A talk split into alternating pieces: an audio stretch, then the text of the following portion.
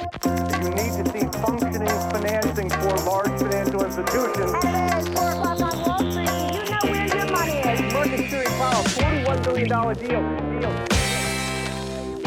Nu är det snart ett år sedan kredithanteringsbolaget Intrum gästade podden. Onekligen kan man säga att mycket har hänt och eh, karantän i några av bolagets strategiska marknader blev lite grann som eh, lök på laxen. Idag har jag med mig VD Mikael Eriksson för att uppdatera oss på nuläget. Eh, Känd från podden sedan tidigare, men som sagt det har hänt mycket så jag säger varmt välkommen tillbaka Mikael. Tack så mycket Niklas, kul att vara tillbaks. Kul att ha dig tillbaks. Nu har ni ett market cap på runt 16 miljarder och ni har nästan 22 000 avansianer på våran plattform. Som sagt, ett år sedan du gästade podden. Jättemycket har hänt. Var ska vi börja? Nuläget Intrum, hur skulle du beskriva det? Nej, alltså jag tycker utifrån ett eh, interimperspektiv, så givet förutsättningarna så känner vi väl en, en, eh, en stabilitet skulle jag vilja säga. Men jag menar, först och främst så måste man ju ändå säga att när vi går in i 2020 eh, så jag vill säga så här, vi lämnade 2019 och kände oss att vi var i hyfsat god form som bolag. Och eh, när vi tittade på 2020 så var det året där vi skulle leverera på de målsättningar vi satte upp från 2017 i samband med sammanslagningen. Och vi kände oss ändå, ska vi säga, att vi hade en god chans att komma dit hem. Um, det krävde en, vad jag brukar kalla på ett engelska då, flawless execution. Va? Alltså det var inte mycket som fick gå fel. Men vi hade faktiskt en affärsplan och en budget som skulle leverera på 2020 års, eh, eller på vår målsättning för 2020. Men um, det är klart att eh, med covid-19 så når vi inte de målsättningarna och det har ju förändrat året naturligtvis. Du har ju varit i, i branschen under väldigt lång tid och jag tänker med det här med coronaviruset, covid-19 det är ju en helt unik situation vi befinner oss i. Alla kriser är ju på sitt sätt unika, men den här är ju verkligt unik. Och på ett synkroniserat sätt, det vill säga ett virus som inte respekterar landsgränser, sprider sig över världen och man stänger ner ekonomier. Eh, din erfarenhet från liksom din tid i, i branschen, hur ser du på den här krisen? Det är klart att krisen är annorlunda och på något vis så är väl det en definition av alla kriser. Att de är annorlunda och är på ett sätt som vi inte hade riktigt kunnat förutse och någonting som vi heller inte har planerat för. Och det som är viktigt i de sammanhangen tycker jag det är ju information och kommunikation, eh, både internt men också externt, är oerhört viktigt. Och om du tar Intrum idag så börjar vi varje morgon och, och har ett samtal i ledningsgruppen klockan halv åtta på morgonen där vi uppdaterar varandra och får en chans att också återkoppla och också en, en möjlighet att kommunicera de beslut vi tar för att säkerställa att vi så att säga, hela tiden har full information. Vi är ju ändå i väldigt många marknader i Europa och det är viktigt att ha informationen på plats.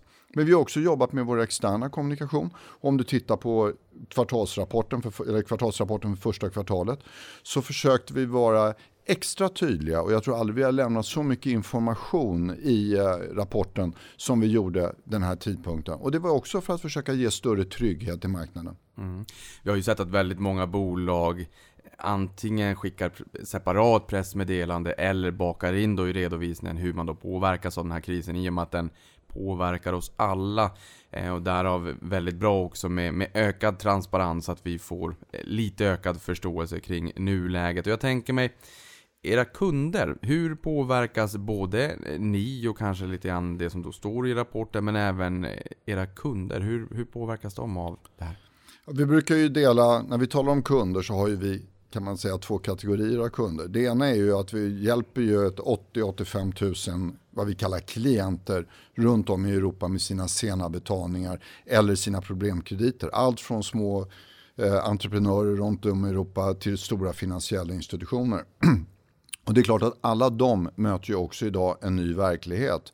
Och det är väl rimligt att tro att vi över tid kommer att se ett större flöde från våra klienter och ett större behov för våra tjänster. Så det kommer ju så småningom, som vi ser det, att utvecklas till någonting positivt för Intrum. Eh, den andra delen är ju våra kunder då som vi säger. Vi talar idag med kanske kommunicera med någonstans mellan 200 till 250 000 kunder på daglig basis människor som har köpt något som de har svårt att betala för eller som på annat sätt har hamnat i en svår situation. Och det är klart att eh, i behandlingen av de, den kategorin, de kunderna, där gick vi tidigt ut internt i bolaget för att säkerställa att vi behandlar dem på ett empatiskt och riktigt sätt i den här situationen. Vi lyssnar och vi försöker ta hänsyn till varje enskild persons individuella förutsättningar, som vi alltid gör, men speciellt nu under den här tiden. Så nog har vi anpassat vårt sätt att förhålla oss till både våra kunder och klienter i, eh, under den här pandemin. Kan du utveckla det där lite grann med hur ni långsiktigt kan gynnas strukturellt av det vi nu ser? För att eh, det finns olika läger förmodligen när det kommer till Intrum och vissa tycker att nej, den här verksamheten är, eh, kanske inte faller in i den ESG-fållan som vi tänker på medan andra ser att ni är en katalysator i ekonomin och får den att få den att snurra och kanske bli mer sund. Jag tänker med vissa företag kanske har svårt att betala sina sina fakturer just nu och det kanske beror på att man har eh, sena betalningar inkommandes från, från sina kunder i sin tur eller att kunder går omkull och allting hänger ju ihop och det här visar väl uppenbarligen onekligen vikten av att, att likviditet flödar i systemen och att det funkar någorlunda smärtfritt. Eran roll idag och framåt strukturellt av det här, får ni liksom en, en, en strålkastare som visar på var i systemet ni skapar nytta? Ja, men det är ju riktigt Niklas. Vi ser ju oss själva som en, vi kallar oss för en katalysator i det finansiella systemet. Men det innebär ju också att vi gärna liksom arbetar som en integrerad del av det finansiella systemet. Sena betalningar är en del av det moderna samhället. Det är en konsekvens av de betalningsformer som har utvecklats under de senaste 50, 60, 70 åren. Där mycket eh, handlar om att köpa på kredit och betala senare och då uppstår sena betalningar. Vi vet ju att för alla bolag, framförallt för små och nystartade bolag, är kassaflödet oerhört viktigt och centralt för verksamheten. Det är oerhört viktigt att säkerställa att man får betalt från de kunder som man har, som man har sålt varor eller tjänster till. Och här ser vi i alla länder vi arbetar i att vi har en viktig roll att, eh, att spela. Och dels när det gäller att säkerställa att våra klienter får betalt för sina räkningar. Men också för att hjälpa våra kunder som har köpt saker, köpt någonting som de har svårt att betala. Att säkerställa att de kan etablera avbetalningsplaner eller få andra förutsättningar att långsamt betala ner de skulder som man har. Och det här har vi jobbat med i 100 år i vårt bolag. Och det är vår roll också framöver. Och vi tror att många kommer att ha ett ytterligare behov för de tjänsterna framöver efter eh, pandemin. Kort fråga bara. Ni bör ju rimligtvis med den datan som ni har vara någon, ha en, en väldigt bra temperaturmätare för hur ekonomierna mår där ute. Jag ser att större delen av varslen i Sverige har drabbat Stockholmsregionen, såg jag nu här i morse.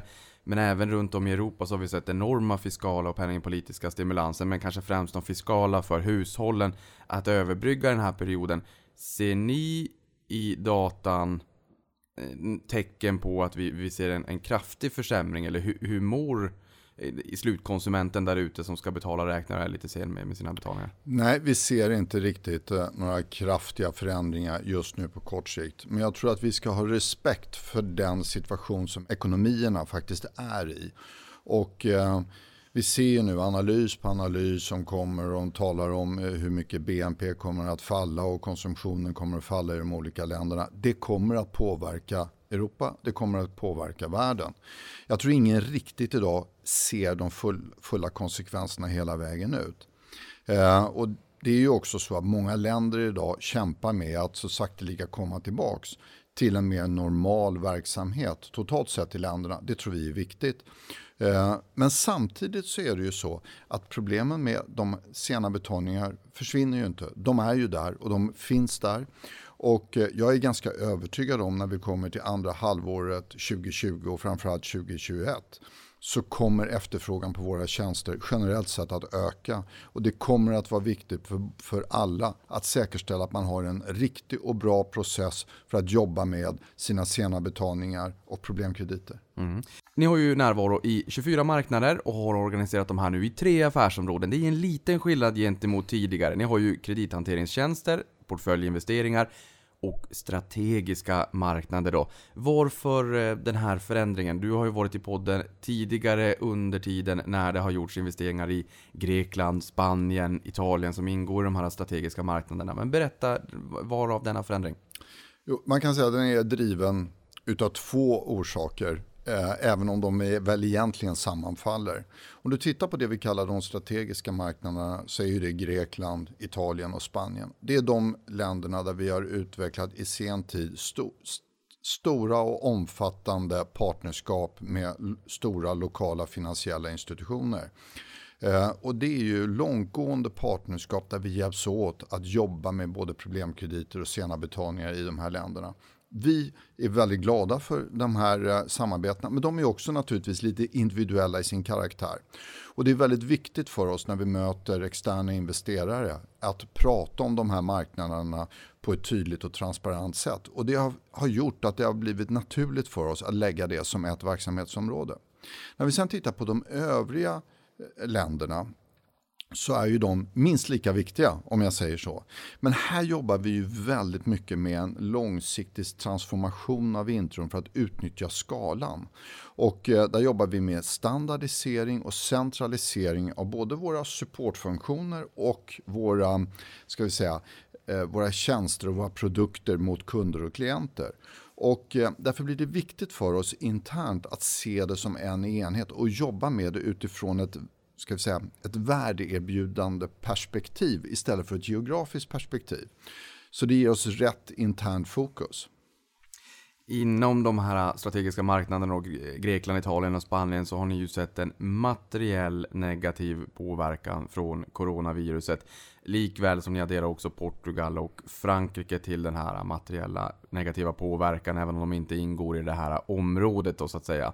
Eh, kan du berätta lite mer om vad menar ni med materiell negativ påverkan? Hur mycket ska man läsa in i de orden?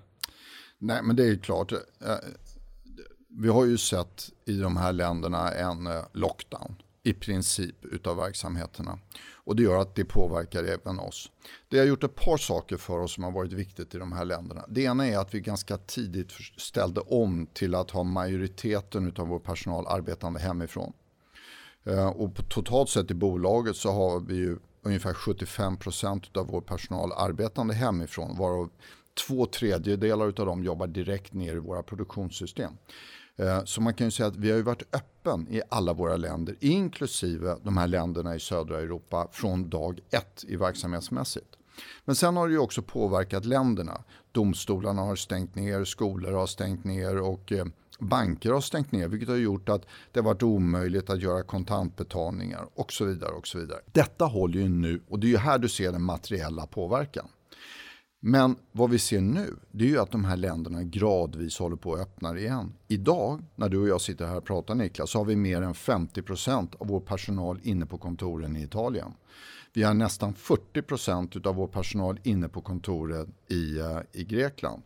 Så att och vi har, domstolarna har öppnat i samtliga de här länderna. Om än inte kanske med full effektivitet och det blir en gradvis upparbetning av ska vi säga, verksamheten som sådan.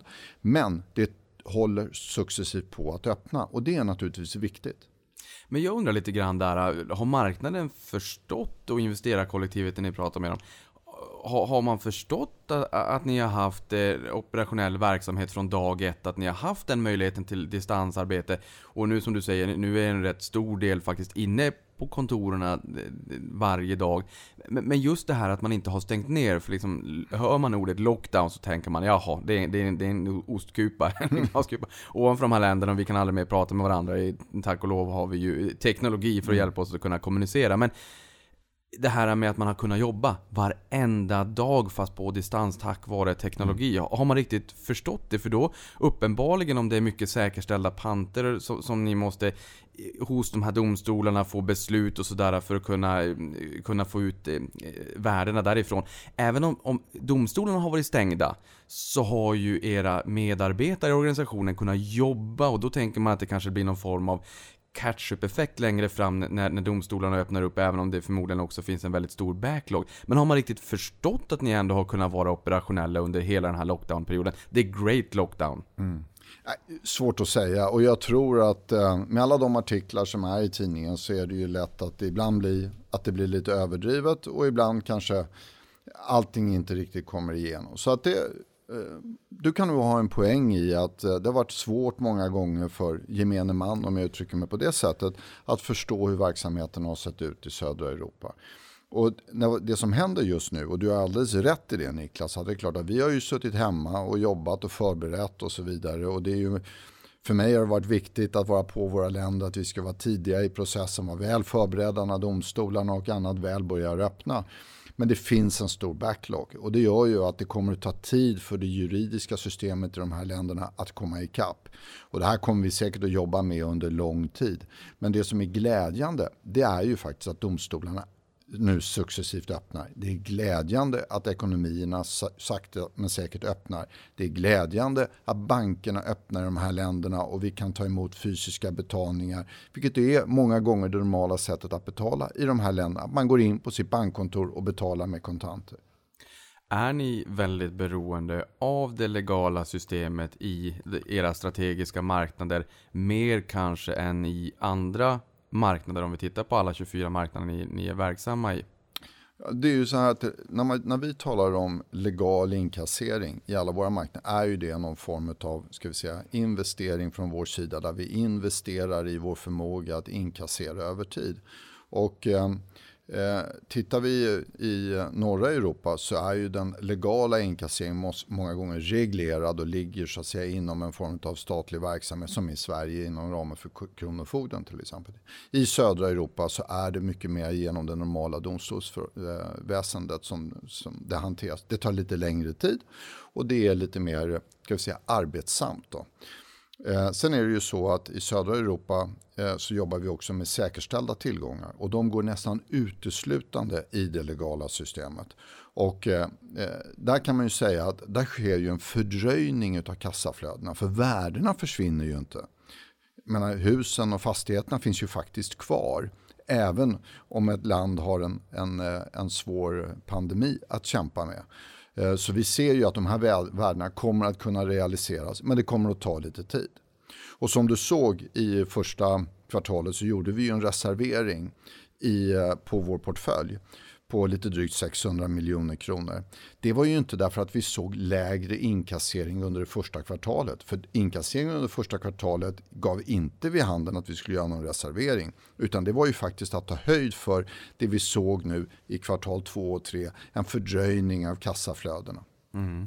Vi kommer att prata lite mera om den nedskrivningen här alldeles strax också. Men jag tänker mig de här äh, säkerställda äh, skulderna, äh, panterna som ni har i de här länderna. Vad primärt är det för någonting? Är det bostäder eller vad, vad, vad, vad döljer sig liksom bakom de här säkerställda skulderna?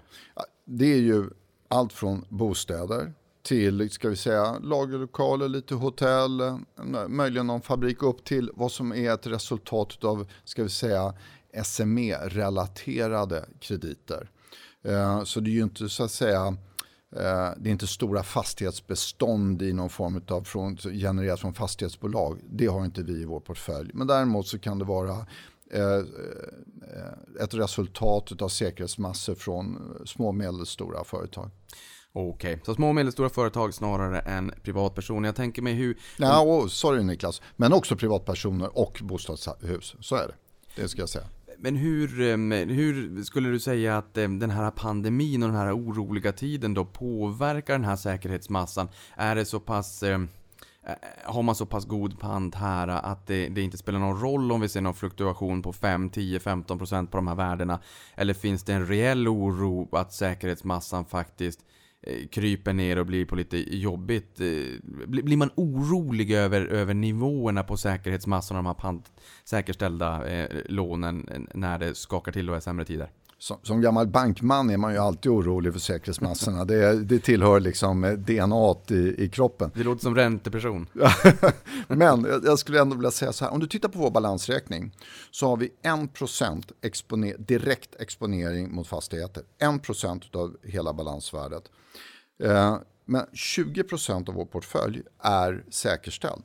Det innebär ju att den säkerhetsmassan, den är ju ett resultat av en belåning. Och då innebär det naturligt att det finns eh, haircuts eller ett eh, normalt, ska vi säga, skydd i eget kapital i den exponeringen. Så det är alldeles riktigt att vi, det finns inte ett ett till ett förhållande mellan värdet på vår pant nödvändigtvis och fastighetsmarknaden. Även om det naturligtvis kan påverkas. Det som påverkar oss lite mer det är faktiskt att vi får en lite fördröjning i tiden på kassaflödet. När det själva värdena, där är vi inte särdeles oroliga. Mm. Eh, du pratar om det här med, med rättsväsendet och att domstolarna har hållit stängt och kanske till och med även banksystemet. Eh, och det här har jag förstått, eh, när jag varit ute och sagt att det, det, är vanligt att man tar semester på sommaren. Eh, föga förvånande, den här sommaren blir ju väldigt utmanande. I Sverige är det ju semester, semester, staycation och hemester och allt vad det heter. Ni försöker ju påverka domstolsväsendet här, ni och många med, fler med er. Att det kanske inte riktigt är läge att ta semester utan att få jobba i kapp lite grann. Hur viktigt är det för er att eh, man ser en lite högre beläggning inom, inom rättsväsendet den här sommaren gentemot förut? Och, och finns det möjlighet att, att jobba i kapp och i så fall hur mycket? Nej, alltså jag, är, jag vet inte om det är eh, så viktigt i sig. Det har lite grann med timing att göra. Däremot så tycker vi lika med många andra i länder som till exempel Italien och Spanien och Grekland att givet den backlog som byggs upp under en sån här period så är det rimligt att man funderar över att faktiskt inte ta den där sedvanliga semestern i slutet på augusti och september som man brukar göra. I dom, domstolarna brukar ju stänga. Utan man faktiskt tar den tiden och försöker jobba i kapp. Kanske inte med full effektivitet men faktiskt utnyttja den tiden lite grann. Det, det känns ju som rimligt tycker jag, tycker vi och många med oss. Så vi får se om eh, man kommer dit hem.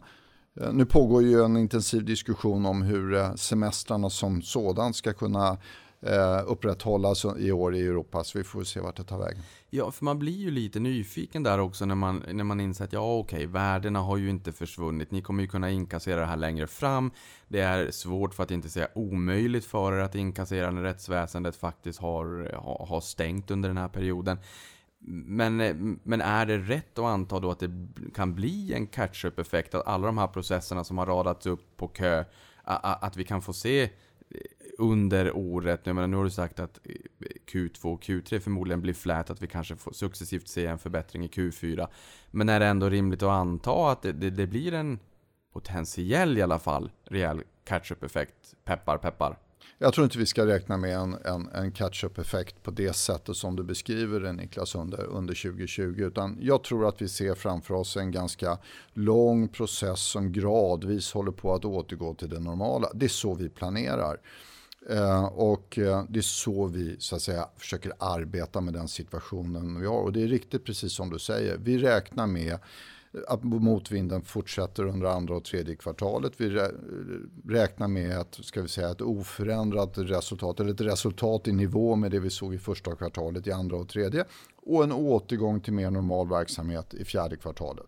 Sen tror ju vi, och jag upprepar gärna det, att eh, på andra sidan den här pandemin, när vi successivt börjar komma ur, så kommer vi att se ett ökad efterfrågan på våra produkter och tjänster. Det förbereder vi oss också för och därför så, så internt i bolaget, istället för att eh, se 2020 som ett, eh, ett trist och förlorat år. Det var ju trots allt ett år där vi skulle leverera på våra målsättningar från 2017 så accelererar vi den transformationen i bolaget internt så gott vi kan för att förbereda oss för att kunna möta den efterfrågan som vi tror kommer på andra sidan pandemin. Ja, det här med kassaflödet blir jag ju lite nyfiken på. De här eh, rättsväsendet som har varit nedstängt och sådär i vissa länder. De strategiska marknaderna bland annat.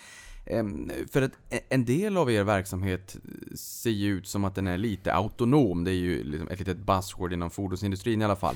Men, men även för er, för jag läser i VD-ordet där för Q1 nu som kom. Så skriver du ju att ni har haft en stark kassaflödesgenerering tack vare bland annat av att 85% av inkasserade belopp inom portföljverksamheten genereras via automatiserade och onlinebetalningar. Och 73% av totalt inkasserat belopp då för koncernen genereras utan inblandning av legala processer. exempelvis SME, små och medelstora företag med den här lagerlokalen eh, som, som behöver säljas och sådär och så domstolen har varit stängd. Eh, hur sårbara är ni bottom line för rättssystem och domstolar? För jag menar, de, den absoluta majoriteten av inkasserade belopp Eh, sköts ju autonomt nästintill. Dina kollegor kanske säger det här är inte alls autonomt, vi gör jättemycket. Det, det fattar jag. Men alltså, större delen av belopp inkasseras på det här sättet. Men innebär det att det som går via domstol är jättemycket större belopp? Alltså, antalet, det har vi ju förstått, men, hur ser volymerna ut då? Om du tittar på vår balansräkning eh, på vår portfölj så är ungefär 20% av den säkerställd. Så det ger ju någon fingervisning. Men det är klart du också har rätt i att Eh, de här typen av säkerställda eh, tillgångarna, det blir lite klumpmässigt. De kommer och går och de blir viktiga under en enskild period för det kan vara större enskilda betalningar som kommer att genereras. Det är alldeles riktigt att nästan 85% av våra betalningar, kassaflödet, genereras genom automatiska överföringar eller som ett resultat av överenskomna betalningsplaner. Det är klart att de håller ju en mycket högre stabilitet. Eh, Dessutom så drygt 70%, 73% eh, är, sker utanför det legala systemet. Och det här är ju en viktig del av Introms verksamhet som vi har byggt upp under många, många år och där vi jobbar med de här 85 80 85 000 eh, klienterna som vi har, där vi hjälper dem med sena betalningar. Eh, så det innebär ju att tittar du på framförallt länderna norr om Alperna, som ju inte på samma sätt har påverkats av, den, av pandemin, i den eh, dagliga verksamheten har vi ju en, en mycket högre stabilitet. Och kassaflödesgenereringen i bolaget är ju eh, betydligt mer motståndskraftig än vad man många gånger tror skulle jag vilja säga. Mm. Eh, Ni har ju sagt att coronakrisen då främst eh, fördröjer inkassering och kassaflöde. Många menar då, och inte som ett direkt svar på det, utan generellt att den här perioden riskerar att riva djupa sår i ekonomin med hög arbetslöshet som, som följd. Vi såg amerikanska centralbankschefen igår gå- ut och säga att det här förmodligen kommer ta lång tid och det satte ju skräck i marknaden. Hur pass sårbara är ni för sämre ekonomi, ökad arbetslöshet och sämre möjligheter för skuldsatta att eh, betala tillbaka sina skulder? Eh, det är ju olika faktorer där så att säga såklart. Både, eh, men, men hur sårbara är ni? Nej, det är ju riktigt. Då ska man ju ändå komma ihåg Niklas att som bolag är vi ungefär 100 år gammalt. Och det är klart att vi har gått igenom många olika scenarier och situationer under de här 100 åren. Och det som senast liknar något det är ju egentligen eh, finanskrisen 2008-2009. Och, och när vi tittar och jämför på den med, med den perioden där vi också fick höjd arbetslöshet och, och, och sänkt konsumtion så ser vi en fördröjning av våra kassaflöden. Vi ser att eh, det kostar oss lite mer att generera kassaflödet. Vi kallar ju det för cost to collect, alltså kostnaden för själva inkasseringen. Den blir lite högre men kassaflödena kommer och det tar något år eller två för oss så kommer vi ikapp. Eh, och det är väl så vi ser det. Och det finns precis som du säger balanserade frågeställningar i det ena. Det ena är att människor, individer får lite svårare att betala. Men å andra sidan så får vi fler ärenden att jobba med. Så det finns flera, ska vi säga, korresponderande kärl som någonstans balanserar ut utvecklingen över tiden. Och vi upplever ju själva att vi är betydligt mera motståndskraftig mot konjunkturcykeln än vad man kan tro. Går det att säga någonting kring hur den här perioden kan jämföras med finanskrisen? Som många har färskt i minne, även fast det börjar ju vara ett tag sedan. Ja, vi gjorde ju faktiskt, eh, försökte vid kvartalsrapporten att göra en jämförelse och, och, och visa utfallet på hur vi ser vår, ska vi säga, vår portfölj idag mot, eh, i ett scenario från 2008-2009. Och då ser vi att det är en fördröjning på två år innan vi når tillbaka till de kassaflöden som vi trodde tidigare. Men att motståndskraften är betydligt st- eh, större och högre än vad man skulle annars skulle kunna tro. Jag blir lite nyfiken här, för att i min värld så tänker jag ju då en, en ökad kostnad där, är cost to collect, bör ju ja, rimligtvis innebära alltså en lägre effektivitet och, och, och mera, me, mera arbete för att driva in de här skulderna. Men i takt med att vi då kanske några år framåt får en bättre ekonomi så antar jag också att det kommer leda till lite marginalexpansion.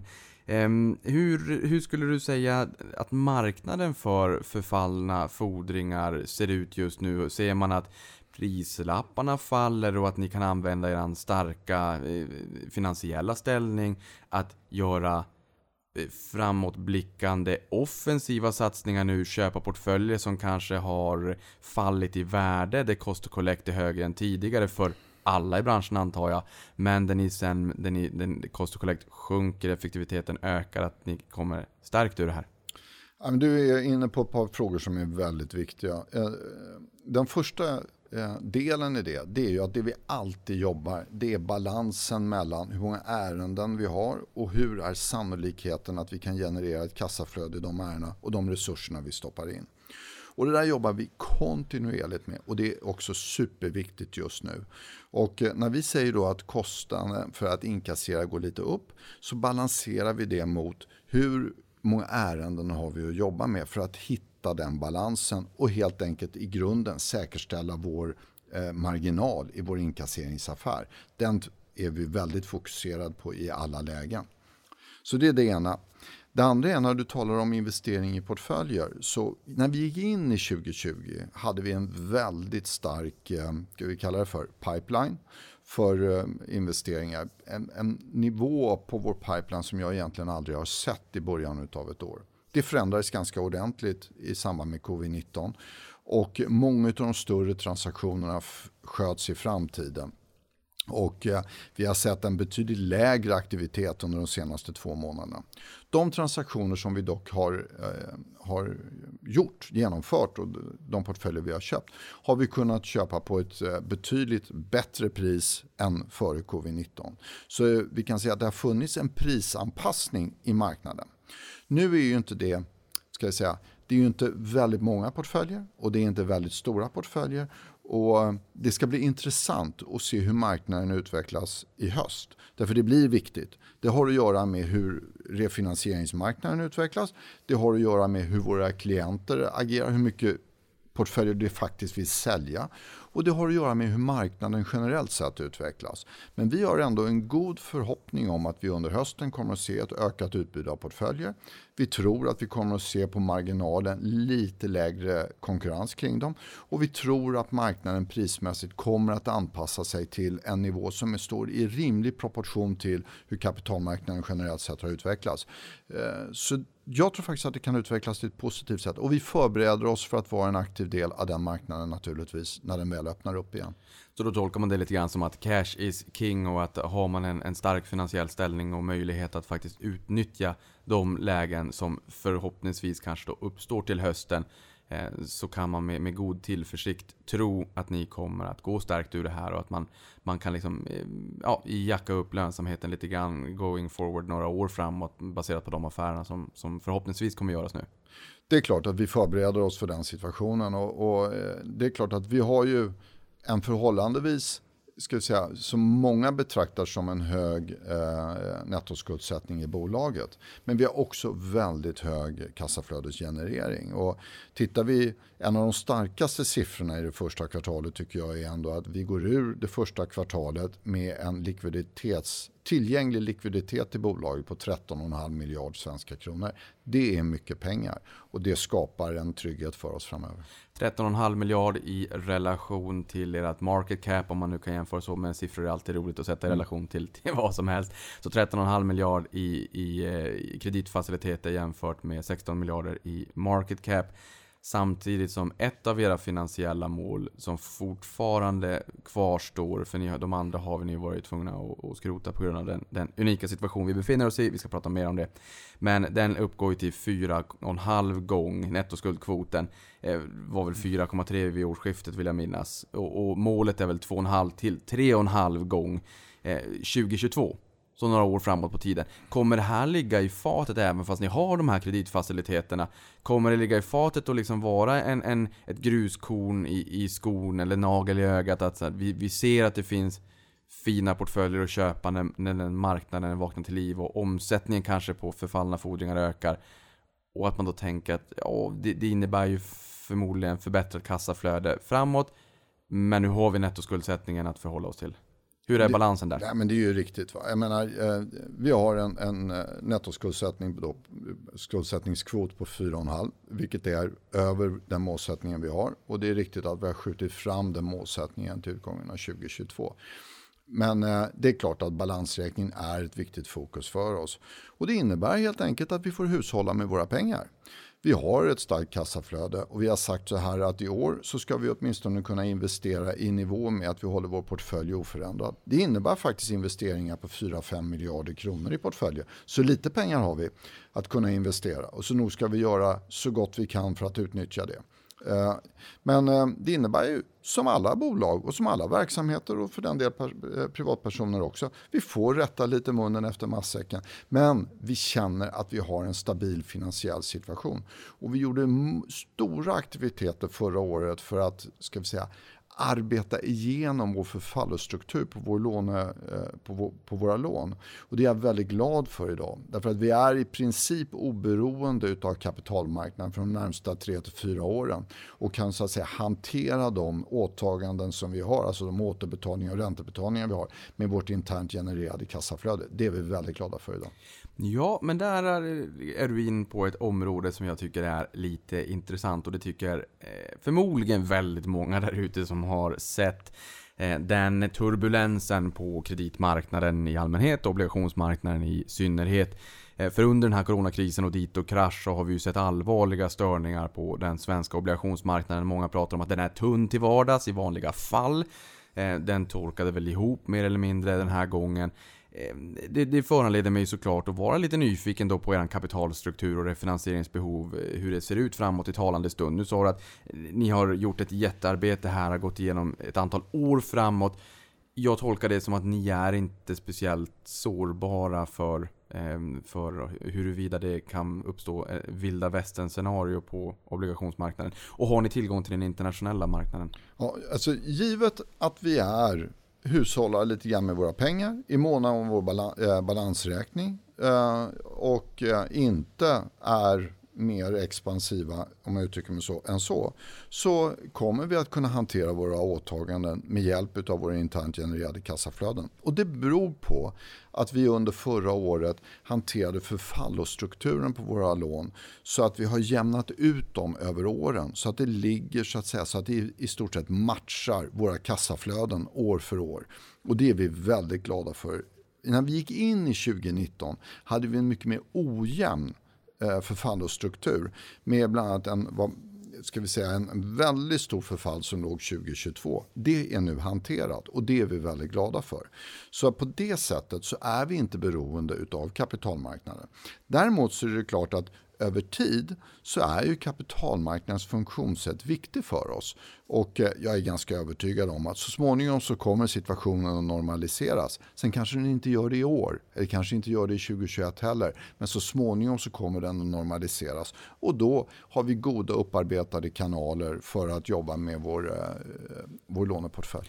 Men bedömer du att det är viktigare nu än tidigare att också gå igenom och se över kapitalstrukturen i bolaget så att man inte är beroende i samma utsträckning med stora enskilda förfall som ska finansieras på obligationsmarknaden. Att man har en bättre mix där. Jag menar, ni arbetar och är katalysator när det kommer till, till bolagens likviditet, kassaflöden, att man, man, man betalar sina leverantörer, man får betalt av kunder. Det är ju ena biten. Andra biten är ju, det blir lite jobbigt på, på marknaden när man inte kan refinansiera sig och, och det blir allvarliga störningar på finansiell infrastruktur. Det här är snarare en fråga till att du har varit eh, verksam eh, lång tid i branschen, eh, både på Intrum men an, även på, på, i andra delar av branschen. Har det blivit ett större fokus på senare tid på eh, kapitalstruktur, obligationer, obligationsmarknad av det här är ju inte första gången det, hoppar till lite grann. Nej, men jag, återigen så är ju i sådana här situationer så blir, blir vi ju alla påminda om hur viktigt det är att vara långsiktig. Både när det gäller verksamhet och när det gäller finansiering och balansräkning. Det är oerhört viktigt och man ska alltid planera och ha, ta lite höjd för att det oväntade kan hända. Ingen gick in i 2020 och förväntade sig en pandemi som skulle ha påverkat världen på det sättet som det har gjort. Eh, det tror jag ingen gjorde och eh, vi kommer att dra många lärdomar utav det. Mm. Jag tänker mig I senaste kvartalet så pratade du om den här nedskrivningen som ni gjorde också på portföljen eh, på 636 miljoner kronor. Vad är det som styr när en sån nedskrivning görs och hur stor risk finns det för ytterligare nedskrivningar av, av portföljen framåt? Ja, det är, vad vi gör i bolaget är varje kvartal så tittar vi igenom alla de portföljer som vi har investerat i och tillsammans med våra revisorer gör en bedömning utav det kassaflöde som den här portföljen genererar och om det stämmer med den ska vi säga, utgångspunkt vi hade när vi köpte portföljen. Och är det så att vi har stora avvikelser så gör vi en justering av värdet. Eh, och det är, en ganska, det är en reglerad process i vårt bolag och det är våra revisorer som överser den.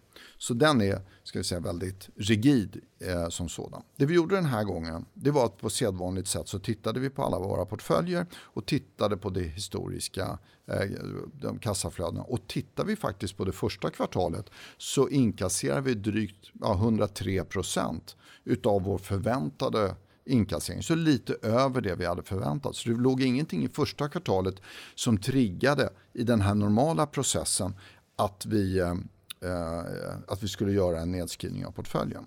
Men vi tittade samtidigt på hur tror vi att inkasseringen ser ut för kvartalen som kommer.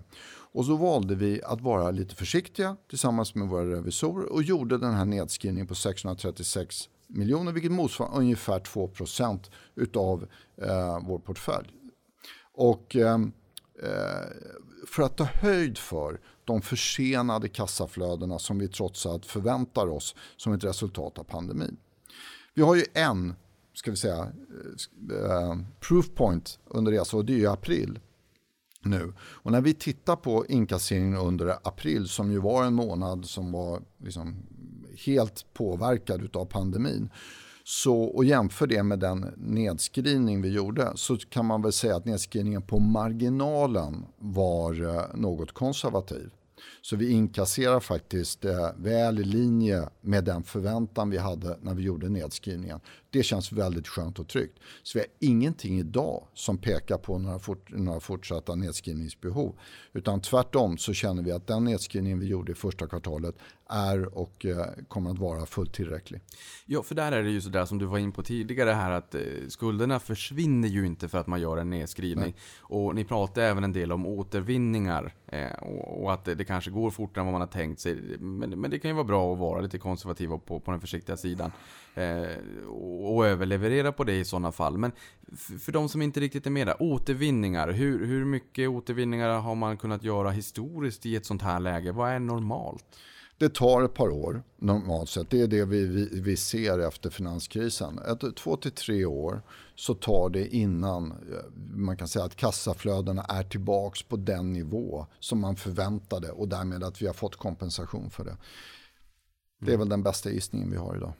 I rapporten så står det ju att, det är, att er finansiella ställning är stark med god likviditet. Vi pratar om att kreditfaciliteterna på 13,5 miljard och stabilt kassaflöde.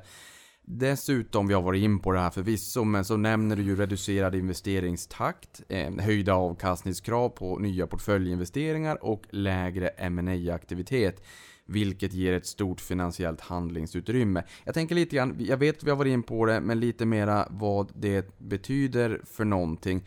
För eh, investeringstakten, ni har pengar att använda om goda lägen uppstår i höst. Eh, höjda avkastningskrav.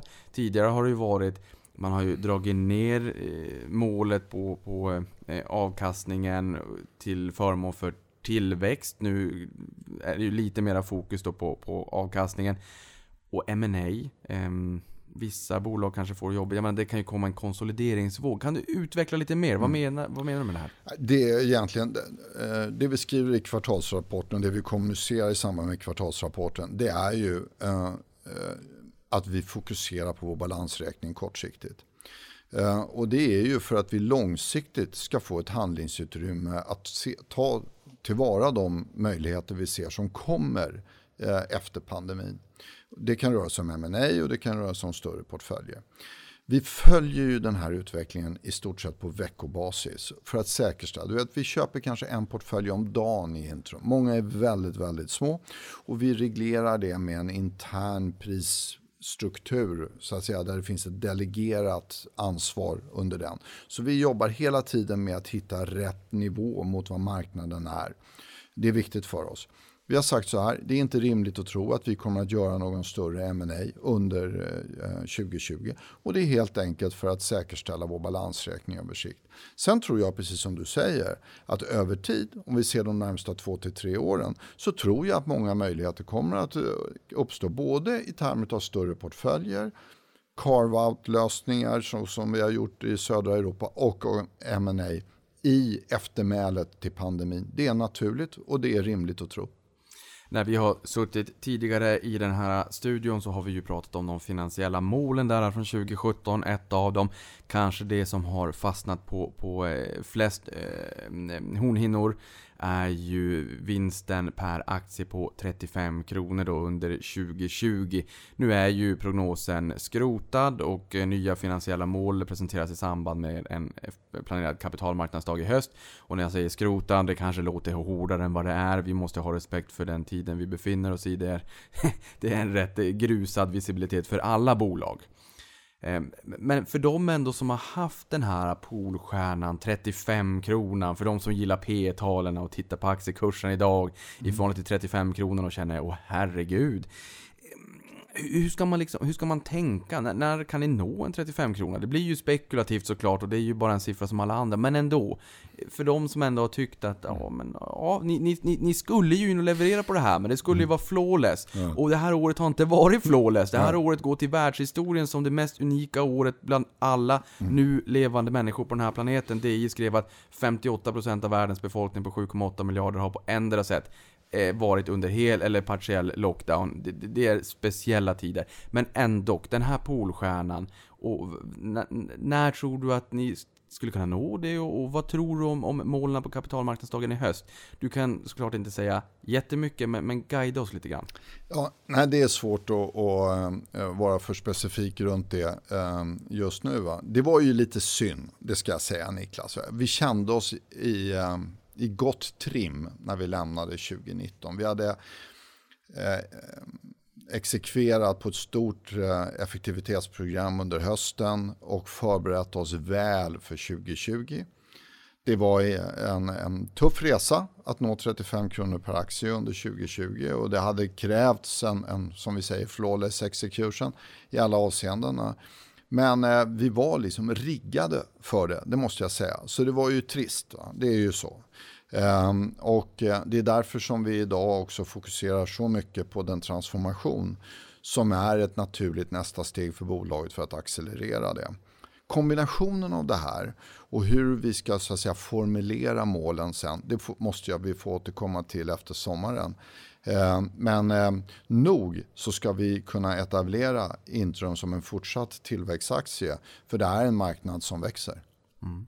Jag tänker också på obligationsmarknaden som vi pratade om här tidigare och att ni har en mycket bättre mix där i er kapitalstruktur. Men hur känsliga är ni för stigande finansieringskostnader? Jag menar, nu är det ju några år bort som jag förstår det. Eh, det är ju inte så att allting ska refinansieras i, i varken imorgon eller det här året. Men hur pass känsliga är ni för att om några år bort, om vi faktiskt har sett en, en strukturellt sett högre finansieringskostnad? Ja, det, är, det är en intressant fråga Niklas. Om man tittar idag så har vi en kostnad för vår finansiering på ungefär 3,25. Så. Eh, och det är vi klart väldigt nöjda med idag. Tittar vi på de eh, indikationer vi har på vad, vad priser på portföljer har utvecklats under pandemin så har det faktiskt följt ganska väl eh, det vi upplever som refinansieringsmarknaden generellt sett eller räntemarknaden för bolag av typ vår karaktär i marknaden. Så det finns en klar följsamhet. Så, så länge vi som bolag vårdar vår balansräkning och säkerställer att vi tar hand om våra kassaflöden och balanserar det sättet vi utnyttjar kapitalmarknaden med att investera på ett rimligt och riktigt sätt så finns det ett nära och då är inte den risken eh, så, eh, så stor som man skulle kunna tro. Jag tänker också här på eh, den lockdown som vi har, har sett och som har fått epitetet då, the great lockdown.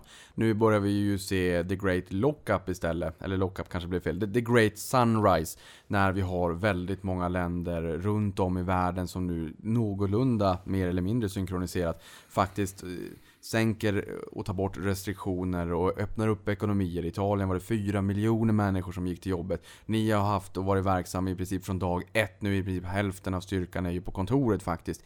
Ehm, har ni sett eh, har ni märkt av den här gradvisa förbättringen och att man öppnar upp ekonomierna? Och hur ser risken ut? Är du orolig? Kan du ligga sömnlös om natten för risken för en andra våg och att man Eh, måste agera. Och vi kanske funderar en gång extra innan vi stänger ner igen för att det har gått så mycket snabbare än vad alla har trott. Men, men ser ni liksom en, potens, en, en påverkan nu från öppningen? Och fin, hur ser ni på risken för att man måste backa om vi får en andra våg?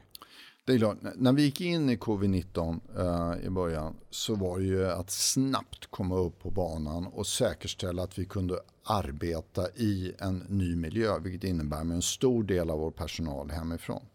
Och där, tycker jag, där måste jag säga att jag är stolt över mina medarbetare som eh, faktiskt på ett väldigt eh, ska säga, lojalt sätt eh, tog sig an detta och eh, har jobbat hemifrån i stor utsträckning och tagit sig an den här svåra situationen som det ändå har varit.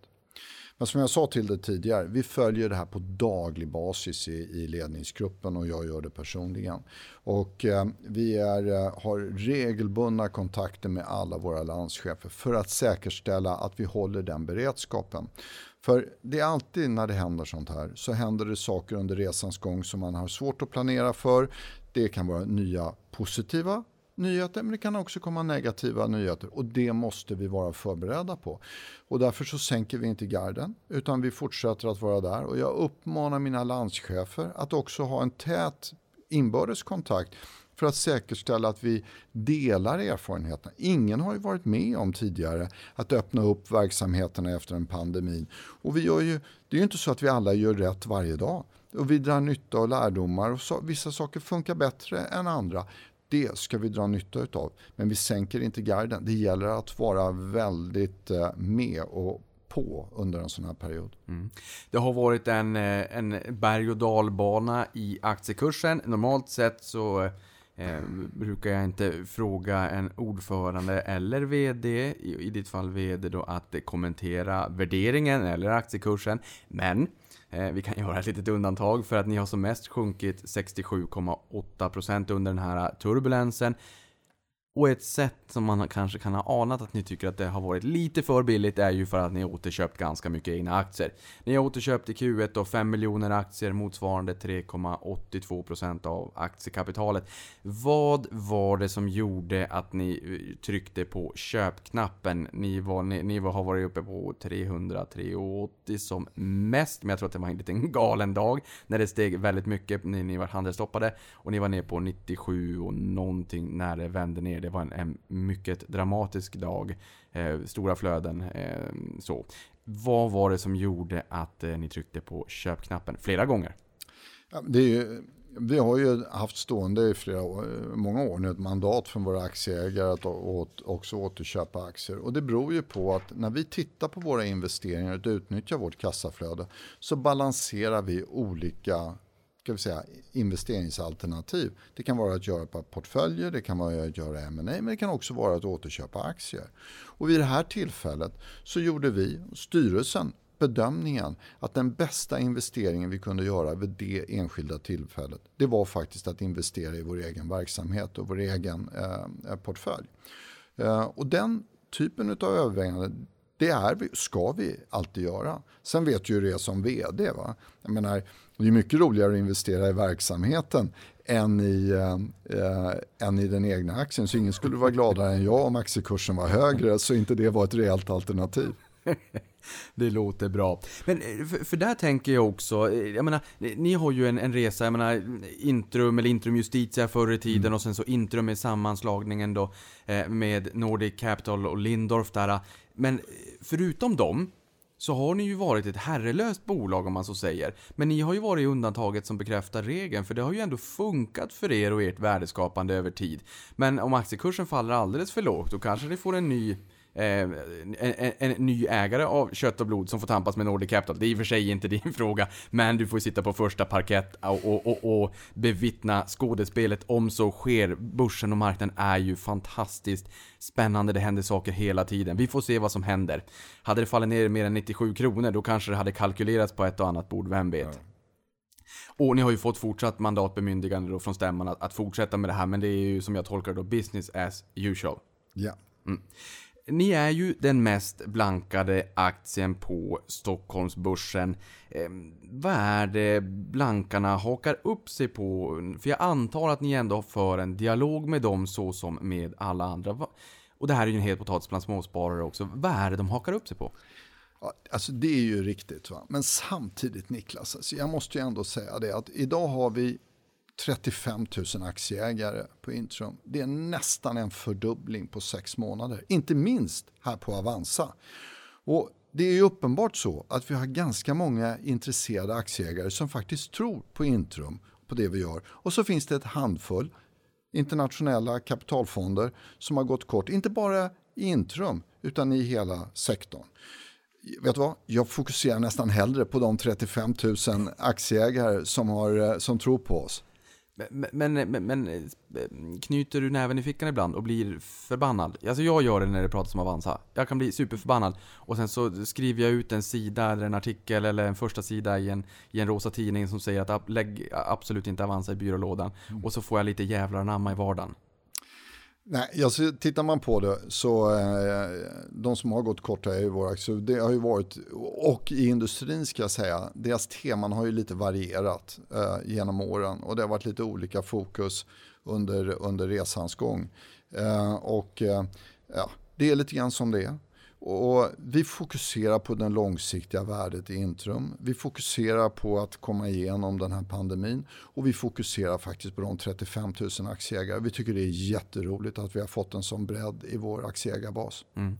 Men, men en, en, annan liten grej som jag blir lite nyfiken på när det kommer till blankarna. För att det är ju för, för alla de här 35 000 aktieägarna och, och många är ju småsparare. Bara så att de förstår eh, vad det riktigt beror på. För att det behöver ju inte vara så att blankare blankar Intrum för att de tror på grumliga eh, framtidsutsikter för just Intrum. Det kan ju vara så, men det behöver ju inte vara så. För tidigare var det väl lite grann så att man från amerikanskt håll blankade Intrum för att man hade en negativ syn på marknaden i USA. Tänkte man det borde också gälla Norden och mm. Europa, ni är ju mm. verksamma på 24 marknader. Och att man därav blankade det liksom ett litet tematiskt case. Och nu får du rätta om jag har fel på båda de här. Men när det kommer till, eh, till nu senast så förstod jag att man också tyckte att ja, Italien är lite jobbigt, men man får inte blanka italienska banker, så då blankar vi lite Intrum för att ni har en hög samvariation med italienska banker. Är, är det taget ur luften, eller finns det den här typen av eh, tematiska blankningar som inte alltid bara har att göra med Intrum, er fundamentala utveckling och er värdering, utan även branschen som sådan. Jag tänker så att, så att spararna som ibland läser rubriker om Intrum mm. eller annat bolag, så att de förstår förstår eh, de bakomliggande faktorerna? Jag har nog upplevt det som att det har varit väldigt, i väldigt hög grad med tematiska frågeställningar som har präglat eh, eh, eh, de som har gått kort. Och de har gått kort inte bara i Intrum utan i sektorn. Men då är vi det största bolaget och vi är också den, det bolaget som har störst likviditet i vår aktie. Men det har så att säga präglat och påverkat hela sektorn. Så att det har varit en och inte alls till lika hög grad eh, företagsspecifikt. Ibland negativt att vara störst. Det blåser på toppen. Eh, ni valde att dela ut 11 kronor per aktie i en tid där många bolag antingen har sänkt eller slopat utdelningen. Det går också till, till historien. Berätta för barn och barnbarn som, som vill investera i aktier det här 2020 när man i princip slopade alla mm. utdelningar. Antingen på grund av sämre visibilitet eller om man ska vara lite krass så kanske det har blivit en, en liten het politisk potatis. Jag vet inte om bolagen riktigt vågar även om de har möjligheten. Eh, och man väntar, många säger att de kanske ska dela ut till hösten om, om, eh, om eh, möjlighet finns då så att säga. Hur gick diskussionen hos er när ni valde att gå vidare med det här utdelningsförslaget? Det, det kom ju i veckan och jag tror att många tycker att det är lite roligt att det inte, ska, att det inte är noll i utdelningsbössan eh, i år. Man fick ju lite utdelning från er i alla fall. Hur, hur gick det här beslutet? Vi tog ett beslut, eller en rekommendation till styrelsen. Styrelsen tog beslutet eh, kan vi säga i början av covid-19-perioden. Och eh, såg ingen anledning att ändra den rekommendationen eh, till bolagsstämman. Vi anser att vi har en, en, ett starkt kassaflöde. Vi anser att vi har en stark likviditet när vi går ur första kvartalet. Och såg ingen anledning att ändra det beslutet. Tittar vi på det så har Intrum under många år varit det är viktigt för oss att leverera en utdelning och vi tycker att det är en, en del av vår verksamhet. Och det är också ett av våra finansiella mål att dela ut åt, eh, eh, åtminstone 50% av vårt eh, eh, nettoresultat till våra aktieägare. Och det var viktigt för styrelsen att eh, fullfölja det. I senaste kvartalsrapporten här då, Q1, så sjönk ju nettoomsättningen 11% och rörelseresultatet sjönk 66% då, eller 19% om man då exkluderar den här portföljomvärderingen mm. på 636 miljoner. Och där har du ju sagt, ni tog in, ni ser ingen ytterligare mm. behov i dagsläget av, av att skriva av något mer. Eh, skulderna försvinner ju inte utan det tar lite längre tid att, att, eh, att kollekta in dem helt enkelt. Samtidigt så räknar ni ju med flät utveckling under Q2 och Q3. Min fråga här var ju liksom, ska man se 2020 som ett förlorat år? Det har du redan varit in på i podden. Det, det vill ni inte alls se det som. Eh, men är det här att räkna som en, en temporär utveckling ändå den här sättningen? Tror du att det blir... Eh, hur, hur har... Hur har Q2 börjat? kan, kan du ha någon framåtblickande guidance? Går det att säga någonting? vi står kvar vid den guidningen som vi gjorde i samband med Q1-rapporten. Att vi räknar med eh, ett, ett rörelseresultat under andra kvartalet i linje med det vi levererade under första kvartalet. Och, och det fortsätter in i tredje kvartalet, den motvinden. Uh, så att uh, där ser vi, tittar vi på den eh, nedvärdering vi gjorde av portföljen och tittar på inkasseringen i april, det har vi också kommunicerat tidigare, så ligger det väl i linje med den guidning som vi gjorde i samband med Q1 och den nedjusteringen av portföljen. Och det ger väl snarare vid handen att, att justeringen av portföljen var något åt det konservativa hållet. Så att eh, vi känner oss trygga med den guidningen som vi gjorde i samband med Q1 som en, en, en, en eh, solid guidning för andra kvartalet. Eh, för 2018 var ju resultatet per aktie 14,18 kronor. Och sen växte ni upp till hela 27,80 per aktie justerat för 2019. I år räknar ju marknaden med 12,79 och 26,27 för nästa år. Många siffror. Eh, 2022 räknar man bara med en marginell ökning jämfört med 2019. Eh, vinstvakuum i flera år är marknaden lite för pessimistisk här? Det är klart att det är svårt att kommentera på, men när och vad krävs då för att återgå till, till minst förra årets fina nivå här på 26,27 kronor? Det är ju väldigt svårt att göra en bedömning av det eh, Niklas just nu. Va? Men det är klart att vi upplever ju det vi, det vi ser eh, i pandemin som tillfälligt. Har svårt att se att den ekonomiska aktiviteten i Europa som vi nu har etablerat är en nivå som långsiktigt kommer att prägla de europeiska länderna för många år framöver. I tid, eh, framöver. Utan vi kommer att se en återgång. Det kommer att påverka vår verksamhet positivt. Sen beror det lite grann på hur lång tid det tar. Men vi tror ju också att i eftermälet till den här pandemin så kommer det mer eh, större efterfrågan på våra produkter och våra tjänster. Det ska vi vara redo för. Ja men det är bra. Jag tänker bara så att inte investerarna tänker så här, jaha, det här 2019, det är, det, det är året med både omsättning och vinst och marginaler som vi kommer prata om som Polstjärnan om 5, 10, 15 och 20 år framåt. Att wow, vilket år det var. Utan, utan att det går att lova någonting. Det går ju aldrig, det ska man inte göra. Men, men, att det är rimligt att anta en återgång när vi liksom får, får passera parentesen, eh, coronakrisen, coronakraschen. Det tycker jag. Mm. Hur, hur förbereder ni er för en, eh, en värld eh, post-corona då? Det som är viktigt är, det är ju för oss då, och jag sa det tidigare, vi accelererar ju de, den eh, interna transformationen av bolaget. Jag tror att du och jag har pratat om det lite grann tidigare där vi jobbar med att standardisera och centralisera eh, Eh, en rad viktiga funktioner, både inom ramen för det vi kallar support, viktiga kan vi säga IT, finans och så vidare, men också i våra aktiviteter mot kund och klienter. Och det där är en viktig del för oss. För det skapar över tid en effektivitet i vår produktportfölj som är eh, där vi kan dra nytta av att vi faktiskt jobbar i 24 länder i Europa på ett mer påtagligt sätt. Eh, det här är en fråga om att utnyttja shared service centers. Det innebär att vi jobbar med standardisering av våra produkter, standardisering av våra, eh, eh, våra tjänster. Och eh, det är jättespännande och det här hoppas jag att vi kan prata mer om när vi kommer till kapitalmarknadsdagen i höst. Det här var ju någonting som vi påbörjade under förra året. Det gäller till exempel att vi installerar en gemensam IT-plattform i hela bolaget. Vi opererar idag på en, en gemensam IT-plattform. Det gäller att vi jobbar med, vi har investerat i ett telefonsystem i hela gruppen som vi nu successivt eh, eh, implementerar ett nytt HR-system och så vidare. och så vidare. Det här är exempel i den riktningen. Men allt det där gör att vi över tid kan bli mer effektiva i, i, i vår hantering och säkerställa vår marginal. Mm. Två sista frågor, tiden går fort när man har roligt. Jag såg de estimaterna som låg i marknaden så var det ju en ganska eh, tråkig förväntan då på vinstutveckling kommande år. Och som sagt, vi, vi har, ehm, vi, vi har en, en kris att ta oss igenom. Men däremot såg man en dramatisk, eh, dramatisk ökning av förväntad kassaflöde per aktie.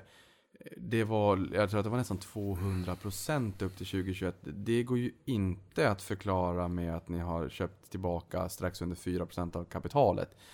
Vad, vad, vad, vad, bör man fokusera på mest som sparare? Ni kan ju göra avskrivningar på, på tillgångar och portföljnedrevideringar så att säga. Eh, så att man kanske ska fokusera mer på kassaflöde än på vinst per aktie. Jag menar, I goda tider då tittar alla på resultaträkning och dåliga tider då är det bara tillgångar som gäller. Mm. Vad är det som gör den här stora diskrepansen mellan vinst per aktie och en dramatisk förväntad ökning i kassaflödet per aktie? Vi har ju, det, eh, det är ju faktiskt så att Eh, kassaflödet från vår verksamhet är väldigt starkt. Och du var ju tidigare inne och tittade på vårt eh, justerade rörelseresultat och den nedgången vi såg från första kvartalet 2019. Men tittar du på det vi kallar cash ebitda, alltså kassaflödet från vår operativa verksamhet, så växte det med 14 procent. Så du är alldeles riktigt, det finns en väldigt stark underliggande kassaflödesgenerering i vår affär. Sen har det att göra lite grann med eh, redovisningstekniskt, hur vi hanterar bland annat våra, eh, redovisar våra joint ventures. Och det kassaflöde som kommer från våra joint ventures och annan mer balansräkningstekniska frågor som gör skillnaden. Va? Men kassaflödet är en bra eh, KPI, om man uttrycker mig så, för vår verksamhet tycker jag. Mm. Sista frågan då, investerarkollektivet. Vad, eh, nu har vi varit inne och pratat lite om brankarna tidigare, men, men nu de som inte går kort i aktien utan de som snarare vill gå lång i aktien. Du, det är, det är dina medarbetare men även investerarkollektivet och småspararna där ute. Vad är de vanligaste frågorna från investerarkollektivet just nu?